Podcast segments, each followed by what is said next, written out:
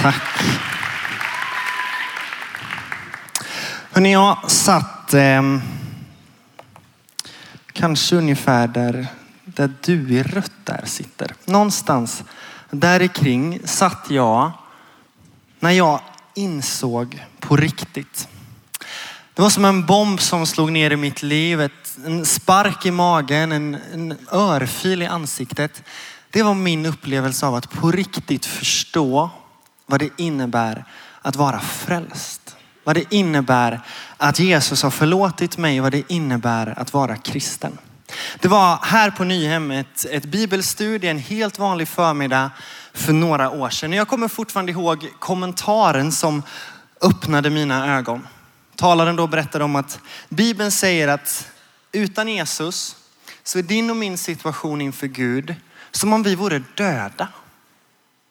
Och talaren stod så här ända fram i, i scenkant nästan, lutade sig fram och viskade. Vet du, en död person kan inte ens ropa på hjälp.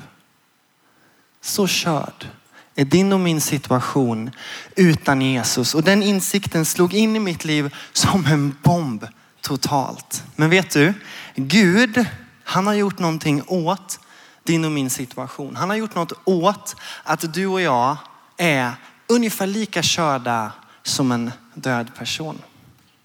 Tack Gud för att du har gjort någonting åt det.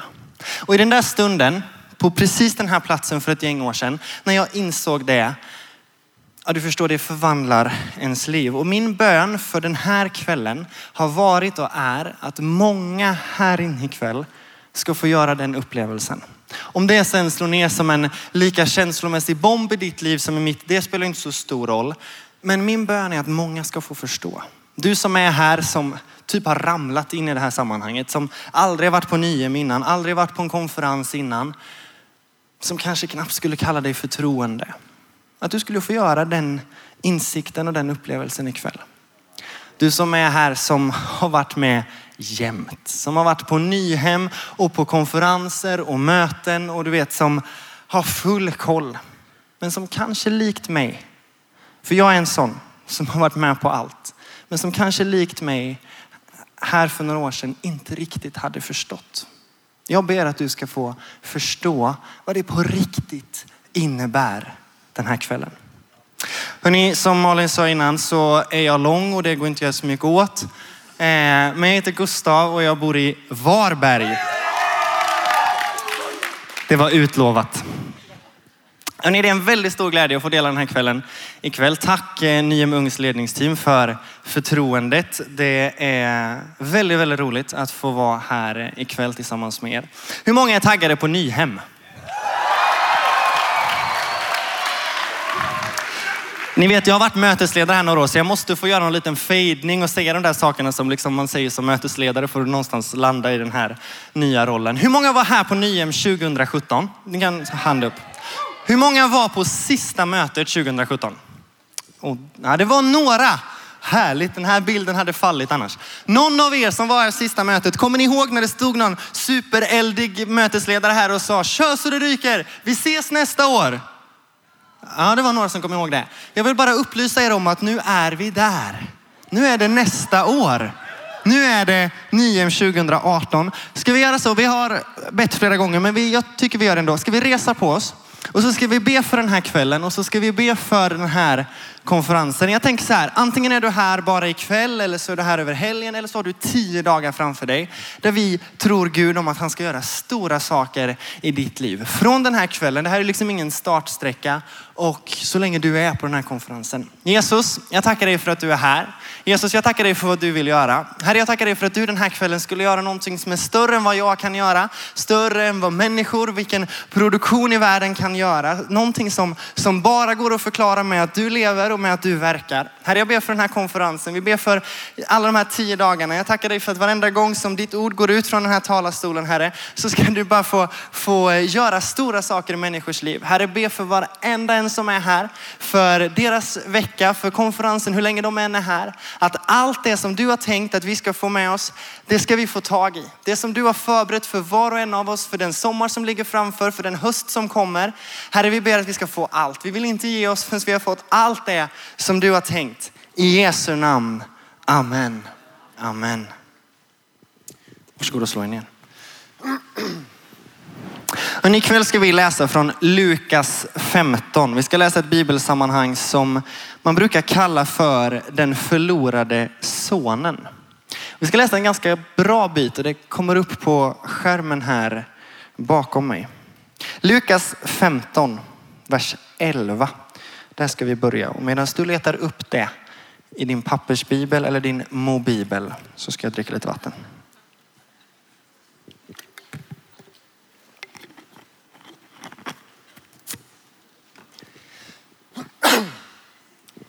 Vi läser Lukas 15, vers 11 till 32. Vidare sa han, en man hade två söner. Den yngre av dem sa till sin far, far ge mig den del av förmögenheten som ska bli min. Då delade han sin egendom emellan dem. Några dagar senare packade den yngre sonen ihop allt sitt och reste långt bort till ett främmande land. Där levde han hämningslöst och slösade bort sin förmögenhet. När han hade gjort slut på allt drabbades landet av svält och han började lida nöd. Då gick han bort och tog tjänst hos en av landets medborgare som skickade ut honom på sina ägor för att vakta svin. Han hade gärna velat äta sig mätt på fröskidorna som svinen åt, men ingen gav honom något. Då kom han till besinning och sa, hur många arbetar hos min far har inte mat i överflöd och här svälter jag ihjäl. Jag vill stå upp och gå hem till min far och säga till honom, far, jag har syndat mot himlen och inför dig. Jag är inte längre värd att kallas din son. Låt mig få bli som en av dina arbetare. Han stod, stod upp och gick till sin far. Medan han ännu var långt borta fick hans far se honom och förbarmade sig över honom. Fadern skyndade fram och omfamnade honom och kysste honom. Sonen sa till honom, far, jag har syndat mot himlen och inför dig. Jag är inte längre värd att kallas din son. Fadern sa till sina tjänare, skynda er, ta fram den finaste dräkten och klä honom och sätt en ring på hans finger och skor på hans fötter och hämta gödkalven och slakta den. Nu ska vi äta och fira. För min son var död men har fått liv igen. Han var förlorad men är återfunnen och festen började. Men hans äldre son var ute på fälten. När han nu kom och närmade sig gården fick han höra musik och dans. Han kallade till sig en av tjänarna och frågade vad detta skulle betyda. Tjänaren svarade, din bror har kommit hem och din far har slaktat gödkalven eftersom att han fått honom välbehållen tillbaka. Då blev han arg och ville inte gå in. Hans far kom ut och försökte övertala honom. Men han svarade sin far, här har jag slavat för dig alla dessa år och aldrig gått emot ditt ord. Och mig har du aldrig gett ens en killing så att jag kunde fira med mina vänner.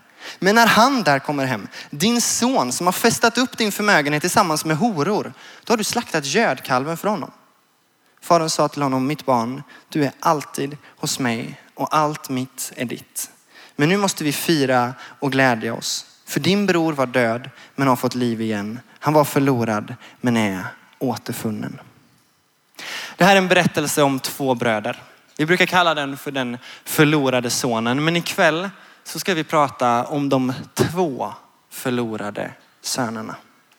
Jag tror att vi kan behöva lite hjälp för att förstå vad som händer i den här texten. Det är inte, inte riktigt ditt och mitt samhälle. Det utspelar sig ju inte riktigt så nowadays. Det här hände ju innan sådana här smidiga kommunikationsvägar som Facetime och Snapchat och annat som du och jag är vana vid. Vi kan behöva lite förklaring eftersom att texten är så gammal. Men du vet det häftiga med texter ur den här boken, det är att även om de har flera hundra år på nacken, för det har de, de är urgamla. Men trots det så har de någonting att säga till din och min vardag. Trots det så bara fortsätter texten att förmedla ett tidlöst budskap rakt in i ditt och mitt liv. Och vi får ta till oss dem gång på gång på gång. Så jag tänkte vi skulle ta oss igenom den här texten för att förstå vad som händer. Vi är i ett förmöget hem, det förstår vi. En gård, någon form av jordbruk, där är stora ägor, där är tjänstefolk. Där bor en man och hans två söner. Och vi fattar att det är något ganska så gött place att ha vuxit upp på. I det judiska samhället, Jesus han berättar den här liknelsen i ett sånt samhälle. Och de har lite förkunskap som kanske du och jag saknar. Det var nämligen så här i den tiden i det samhället att den äldsta sonen absolut kunde göra det som den yngste sonen gör. En, den förstfödde, den äldsta sonen, kunde absolut be om att få ut sitt arv och då delade pappan sin egendom och så levde han själv vidare på inkomster ifrån den här verksamheten, vad det nu är de håller på med. Men att den yngste sonen gör så, det hände inte. Det var inte rätt, det var inte okej, okay, det var liksom big no-no. Och det visste ju de där som lyssnade på Jesus första gången och nu vet du det också. Att det den här yngste sonen gör, det är mer än att han ber pappa om lite cash.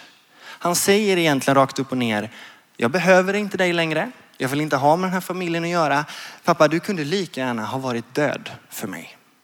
Han sviker sin familj ganska rejält. Texten säger att han tar alla sina grejer. Han lämnar inte kvar lite, utan han tar alla sina grejer när han ger sig iväg. Alltså utan ord så säger han hit ska inte jag tillbaka.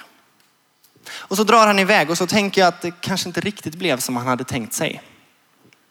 Lite oansvarsfullt, lite så halvklantigt så slösar han bort alla pengarna. Han var ju i alla fall ett tag på riktigt kung i baren. Bokstavligt talat. Han hängde ju på de coolaste ställena, på de mest hippaste ställena där alla var. Där hängde ju den här killen och jag tänker han bjöd ju varje gång. Något måste han ju ha burit sig åt för att bli av med alla de där pengarna. En dag så ser jag framför mig han liksom loggar in på bankappen och inser, åh det blir tajt ikväll. Rackarns. Nej, jag får nog skippa det där dyra, coolaste innestället och kanske dra till den här sunkpizzerian istället. Och till slut så gick liksom inte ens sunkpizzerian utan då fick han gå till korvmojen, till gatuköket, till Sibylla typ.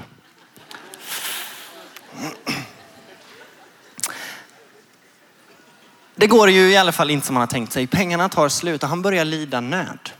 Det är så illa att han går, han, han tar det sämsta jobbet du kan tänka dig. Han får ut på ägor och vaktar grisar. Och texten säger att han till och med skulle kunna tänka sig att äta den mat som grisarna åt. Det går från kung i baren till det lägsta av det lägsta. Jag tror att där på botten någonstans bland grisarna kommer den här förlorade sonen till insikt. Plötsligt så ser han sin situation. Plötsligt ser han sitt behov av sin pappa. Dessutom verkar han plötsligt se sin egen brist, sina egna fel. Därför att han plötsligt säger, jag har syndat mot himlen och mot min far. Det är liksom inte orden utav den här kung i baren killen, utan det är orden av killen som har kommit till insikt. Han konstaterar, han har det sämre än tjänarna hemma hos den pappa han har lämnat. Och så samlar han ihop sig. Jag tänker att det krävdes mod och stolthet, svald stolthet. Och så går han hem. Hem dit han aldrig skulle återvända och jag tänker att han blir ganska chockad över mottagandet som han får. Han hade förberett sin ursäkt, han hade förberett sin förklaring. Jag ser framför mig att han har gått hem och liksom repat det där så att han skulle säga det på allra bästa sätt. Han har kommit på en tanke där om att han inte är värd att kalla son i huset längre, men att han kanske kan bli tjänare. Och... Men det är inte en arg pappa han kommer hem till.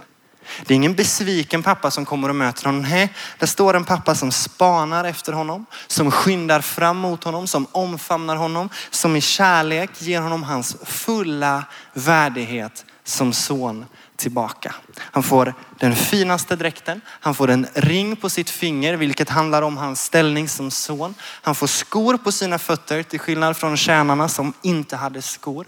Och så slaktar farsan gödkalven. Alltså vi snackar det bästa partyt de kunde ställa till med. De sparar inte på krutet någonstans, utan han startar en riktig fest. Det var långt mer än vad den förlorade sonen hade räknat med.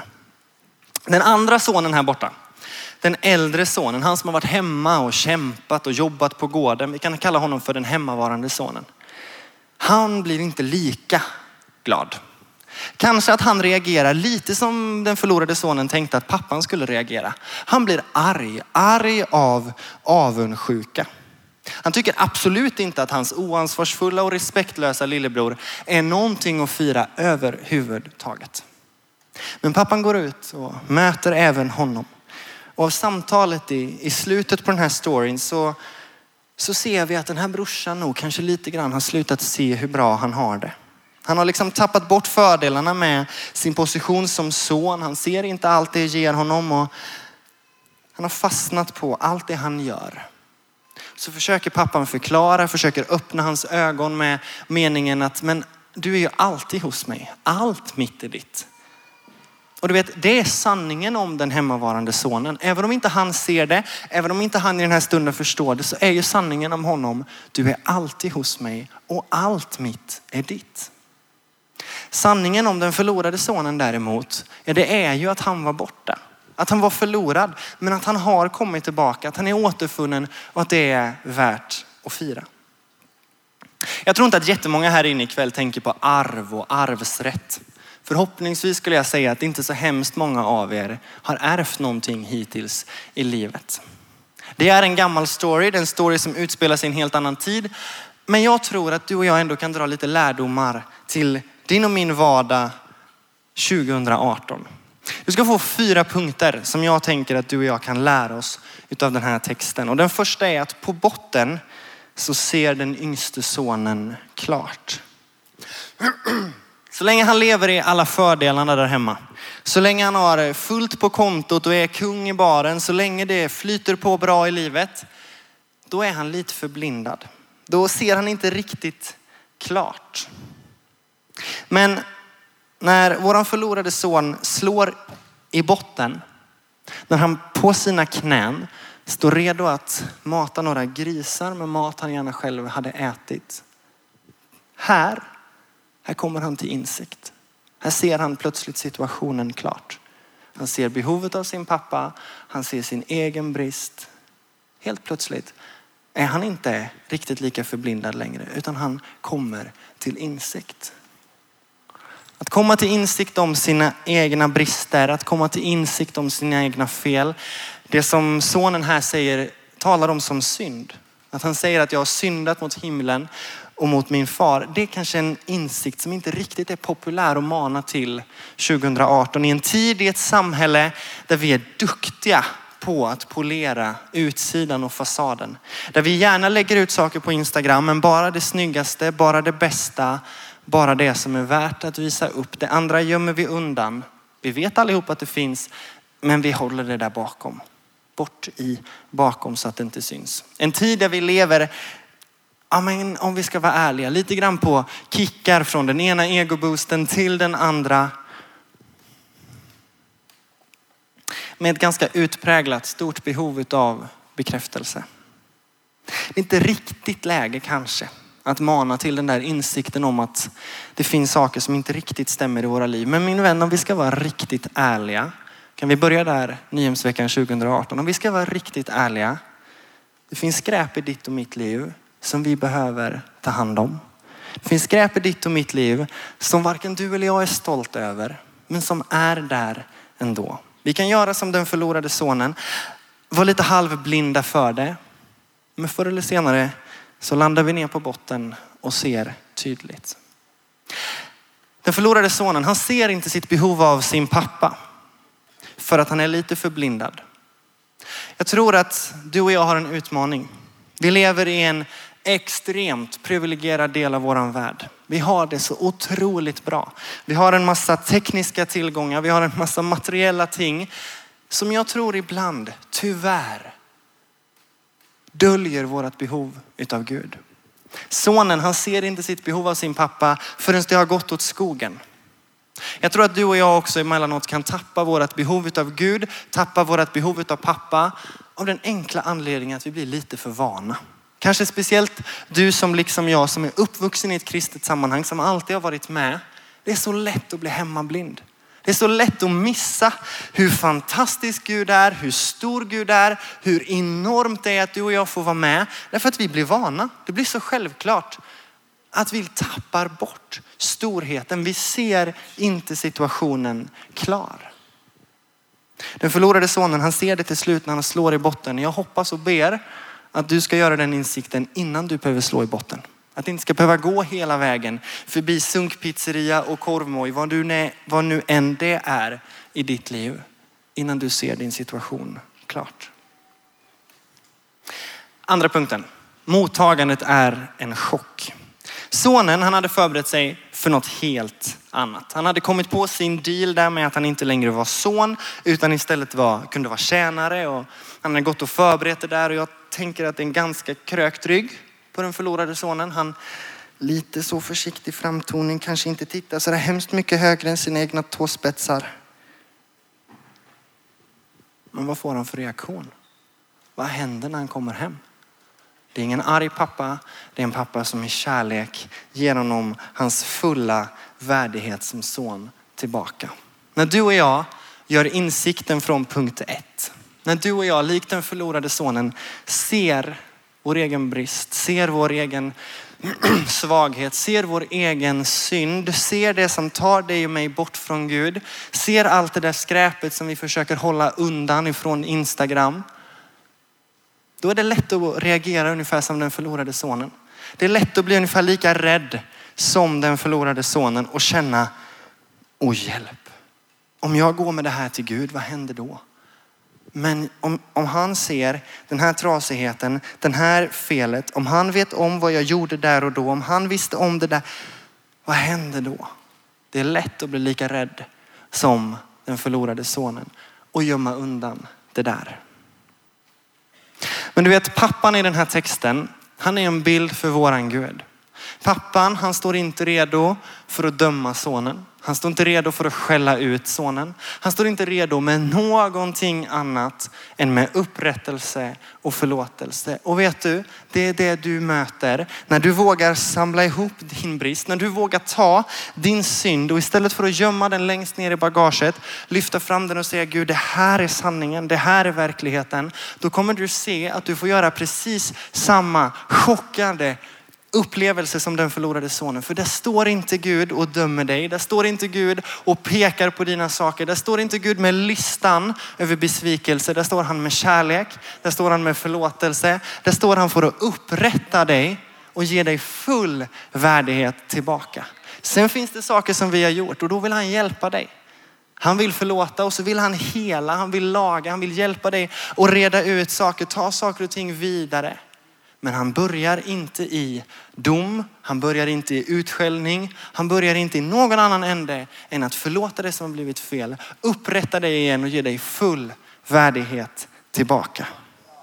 Det där, det är våran Gud. Och det borde, säger jag, fylla dig och mig med lite förundran om hur han funkar.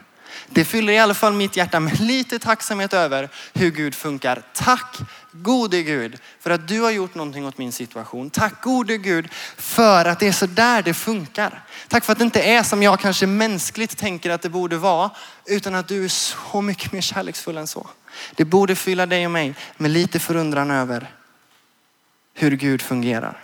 Sonen han blev chockad över mottagandet och jag tror att om du den här kvällen gör likadant som sonen om du den här kvällen tar med dig det som har blivit fel i ditt liv fram till honom så ska du bli lika chockad över mottagandet du får.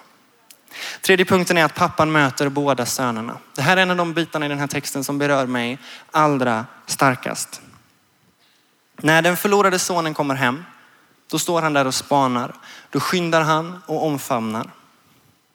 När den hemmavarande sonen kommer hem, då är pappan här borta då håller han i den här festen. Han kanske står upp och håller ett tal för sin son. Han kanske är mitt uppe i sång och dans. Han kanske håller på att servera den där gödkalven som han är så stolt över att få ge till hela den här festen. Men när han hör att den hemmavarande sonen står där ute och tjurar, då lämnar han festen.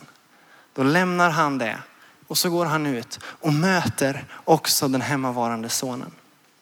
Vi är lite olika som människor. Vi har lite olika bagage du och jag. Och du och du har lite olika bagage om ni förstår vad jag menar. Vi hittar varandra och oss själva i lite olika delar av den här texten. Jag, jag ser lite mer av mig själv i den hemmavarande sonen än i han som var ute, den förlorade sonen som, som stack iväg och, och kom hem. Jag hittar mig själv mer i den hemmavarande sonen. Och jag kan känna igen mig i hans reaktion. Även om det hör till kanske mitt liv något mörkare stunder så kan det ha hänt och kanske är det någon till här som känner igen sig att jag kan ha sneglat på någon, någon som mer har levt den förlorade sonens liv, som har varit ute och svirat, som hittat tron på Jesus eller som kommer tillbaka. Och så kan det ha hänt att Gustav har tänkt, ja det är klart att nåden är stark om man har levt som du. Ja men det är klart att du känner det. Men annat är det här. Ja, det är fint med nåden, men behövs den verkligen? Alltså jag har ju ändå sagt rätt och gjort rätt. Jag har varit med på det mesta. Jag har skött mig rätt bra. Ja, ja det är klart att... Men alltså annat är det med mig.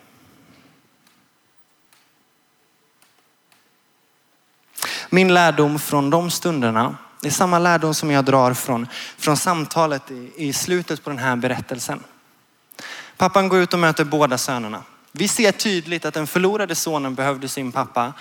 Men grejen är ju att den hemmavarande sonen, han behöver sin pappa precis lika mycket. Och pappa han visar det genom att lämna festen, gå ut och möta honom. Så min lärdom är, det är inte de, oavsett vem de är, det är inte de som behöver Jesus. Jag behöver Jesus. Vi behöver Jesus. Det spelar ingen roll hur du har levt. Det spelar ingen roll hur illa det har blivit, men vet du, det spelar heller ingen roll hur bra det har blivit. För varken du eller jag har skött oss så väl att det skulle kunna räcka inför Gud. Det spelar ingen roll vad du visar upp för track record. Det spelar ingen roll hur väl du har skött dig. Det spelar ingen roll om du har varit på varenda Nyhemsvecka eller något annat. Det spelar ingen roll egentligen. Ingen, har någonting, ingen av oss har någonting att komma med inför Gud. Vi är alla samma behov av Jesus. Den förlorade sonen behövde sin pappa, den hemmavarande sonen behövde sin pappa. Du behöver Jesus och jag behöver Jesus. Och pappan i den här texten, han bekräftar det genom att gå ut och möta båda sönerna. Den fjärde punkten, den äldre brorsan har fastnat i vad han gör. Man kan ju tänka, vad är killens problem? Varför kan han inte bara gå in och vara lite glad? Varför står han ute och tjurar? Vad är det han inte förstår? Och jag tänker att det har lite med den här punkten att göra. Jag tror att han har fastnat i allt det han gör istället för vem han är. Han säger till sin far att han har slavat för honom. Hur många har sagt det till sin pappa någon gång? Ja, men nu får du ge dig, nu har jag slavat för dig. Det är, det, är ett, det är ett stort ord, det är ett starkt ord. Jag fattar att han inte sa på svenska, utan jag vet om att Bibeln är skriven på ett annat språk och så vidare. och så vidare. Men det har ändå översatts så. Alltså han är fullt upptagen med vad han håller på med. Han är fullt upptagen med allt det han gör, med allt det han gjort. Han har inte förstått hur bra han har det hos pappa. Han har inte förstått vem han är som son. Han kanske också har missat sin egen ofullkomlighet och sin egen synd. Han ser inte sitt behov av pappa. Han är inte trygg i den positionen och i den relationen. Och jag tänker att vi gör samma misstag så ofta. Vi kommer till Gud fullt upptagna med det vi gör. Antingen med det som har gått dåligt, det vi försöker hålla undan. Och även om vi trycker det längst ner i ryggsäcken, längst bort i bagaget, så ligger det ju där och skaver. Vi är ju pinsamt medvetna om det hela tiden. Det bara ligger här som en blinkande någonting och bara upptar allt fokus. Eller så kommer vi med allt det där som är bra. Som jag pratade om alldeles nyss. Allt det där vi har lyckats med, allt det där vi har sagt rätt, gjort rätt, allt det där. Så kommer vi till Gud fullt fokuserade över att mig är du väl ändå lite smånöjd med. Båda situationerna tänker jag är ett problem. Inget av det spelar ju någon roll. För precis som vi sjöng här alldeles nyss i en lovsång så har ju ingen av oss gjort någonting för att förtjäna Guds kärlek. Det är ju ingen av oss som har lyckats tillräckligt väl för att nå upp till honom. Vi är allihop i precis samma behov av Guds räddning. Och Gud han står och väntar på dig. Han står och väntar på den person han har skapat, inte på allt det som du skapar eller inte skapar. Vi kommer till Gud fullt upptagna med vad vi gör och han står och väntar på vilka vi är. Den stora skillnaden de här två bröderna emellan tänker jag är insikten som våran förlorade son gör på knä. Insikten om sitt eget behov av frälsning. Han ser sin situation klar. Han ser sitt behov av sin pappa. Han ser sina egna, sin egen brist, sin egen synd. Frälsning det är ett välanvänt ord i kyrkan. Det betyder räddad. Att bli räddad från sin synd och att bli räddad till evigt liv. Att bli räddad till en relation med Gud. Den här berättelsen den är för mig en bild av just frälsningen. Precis som de båda bröderna så har vi alla våra resor fram till den punkten där vi säger Jesus, jag behöver dig. Gud, jag, jag löser inte det här på egen hand. Jag är i behov av din räddning.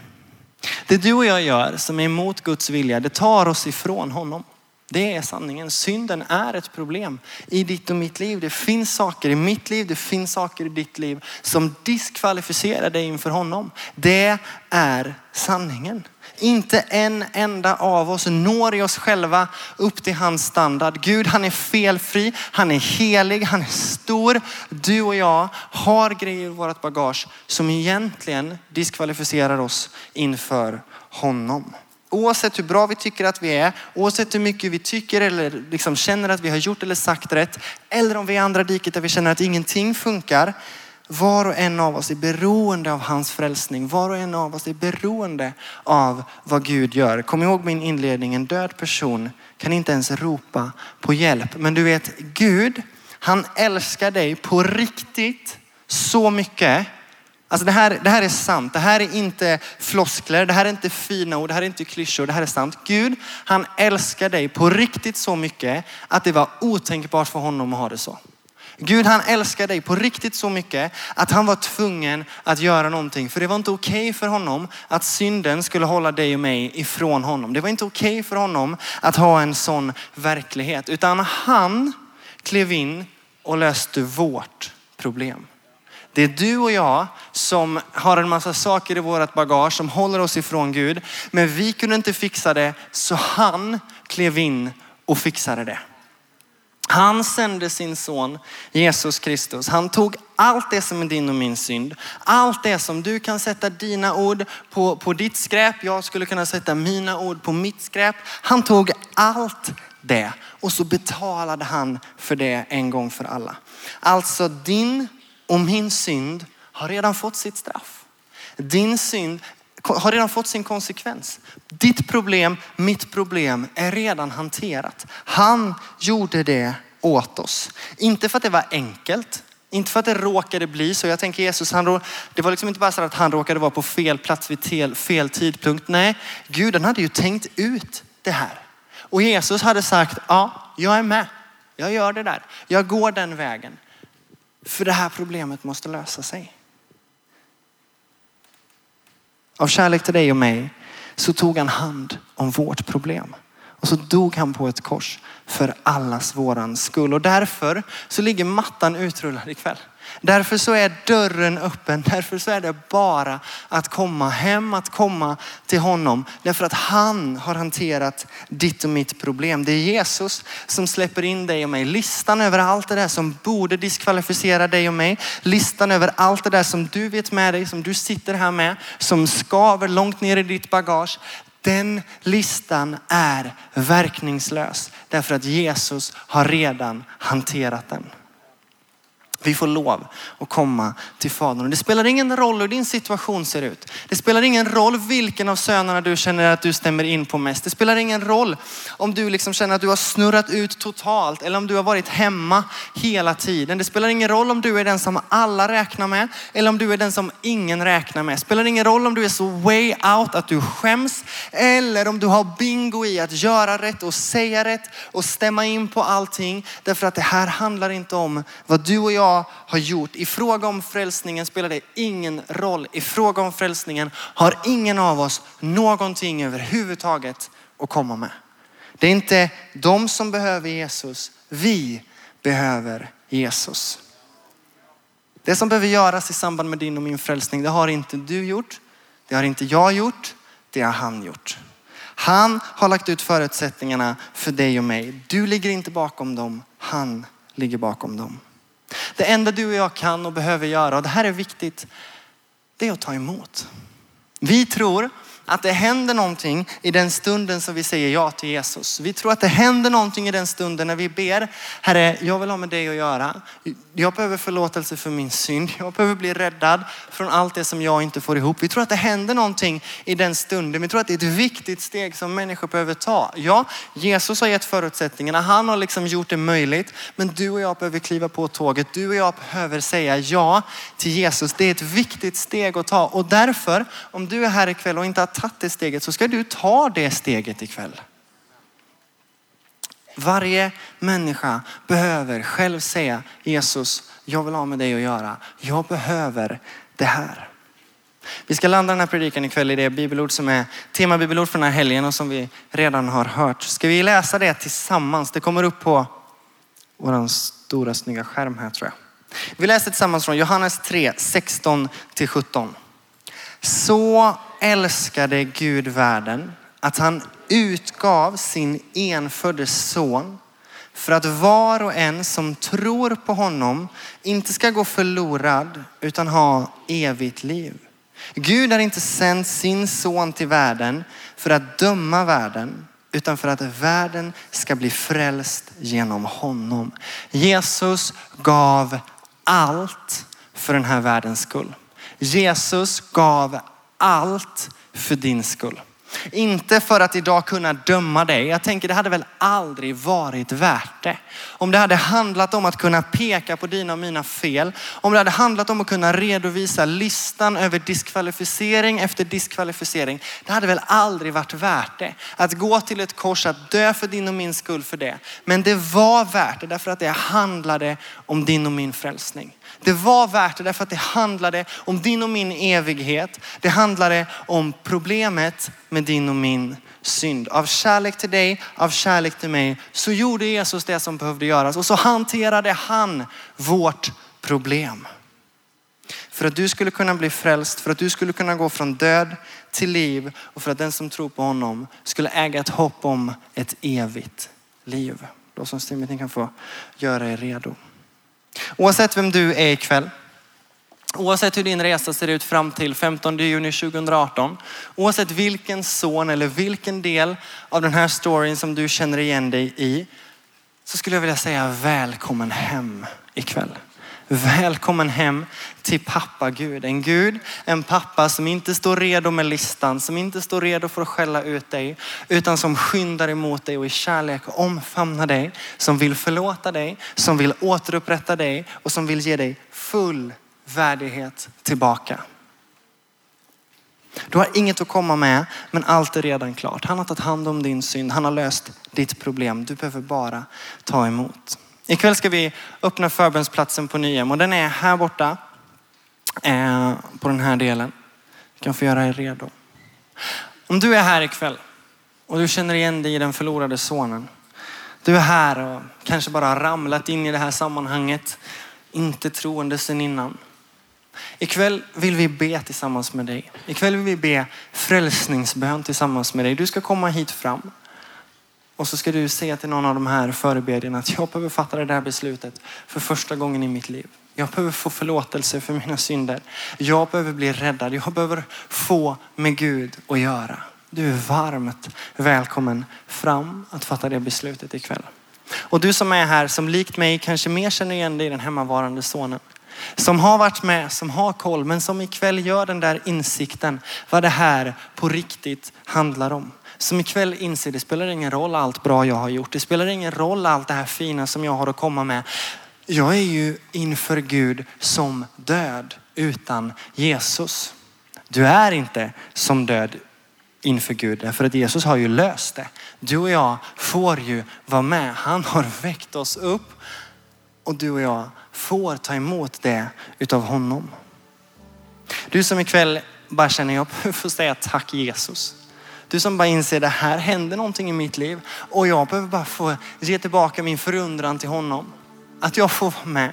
Att han har gjort allt det där för min skull. Att han har betalat. Att, min, att problemet är löst. Du som behöver fatta ett nytt beslut om tro på Jesus, som på nytt bara behöver få göra en, en eh, respons på din frälsning. Även om du kanske har varit frälst tidigare. Du är också varmt välkommen fram. Vi ska sjunga en lovsång nu tillsammans som bygger på våra tema bibelord, som bygger på Johannes 3 och 16. Och under den lovsången, vi ska alldeles strax resa på oss, så är du välkommen. Om du vill ta emot Jesus, om du vill fatta ett nytt beslut i tron på Jesus, så är du välkommen till våra förebedjare. Så om en stund så kommer det komma en inbjudan till och lite kunskapens ord och sådär på, på, eh, på våra skärmar. Men vi tar en stund, Lovsjung Jesus tillsammans och du som känner jag behöver fatta ett nytt beslut. Varmt välkommen hem till pappa Gud ikväll. Amen.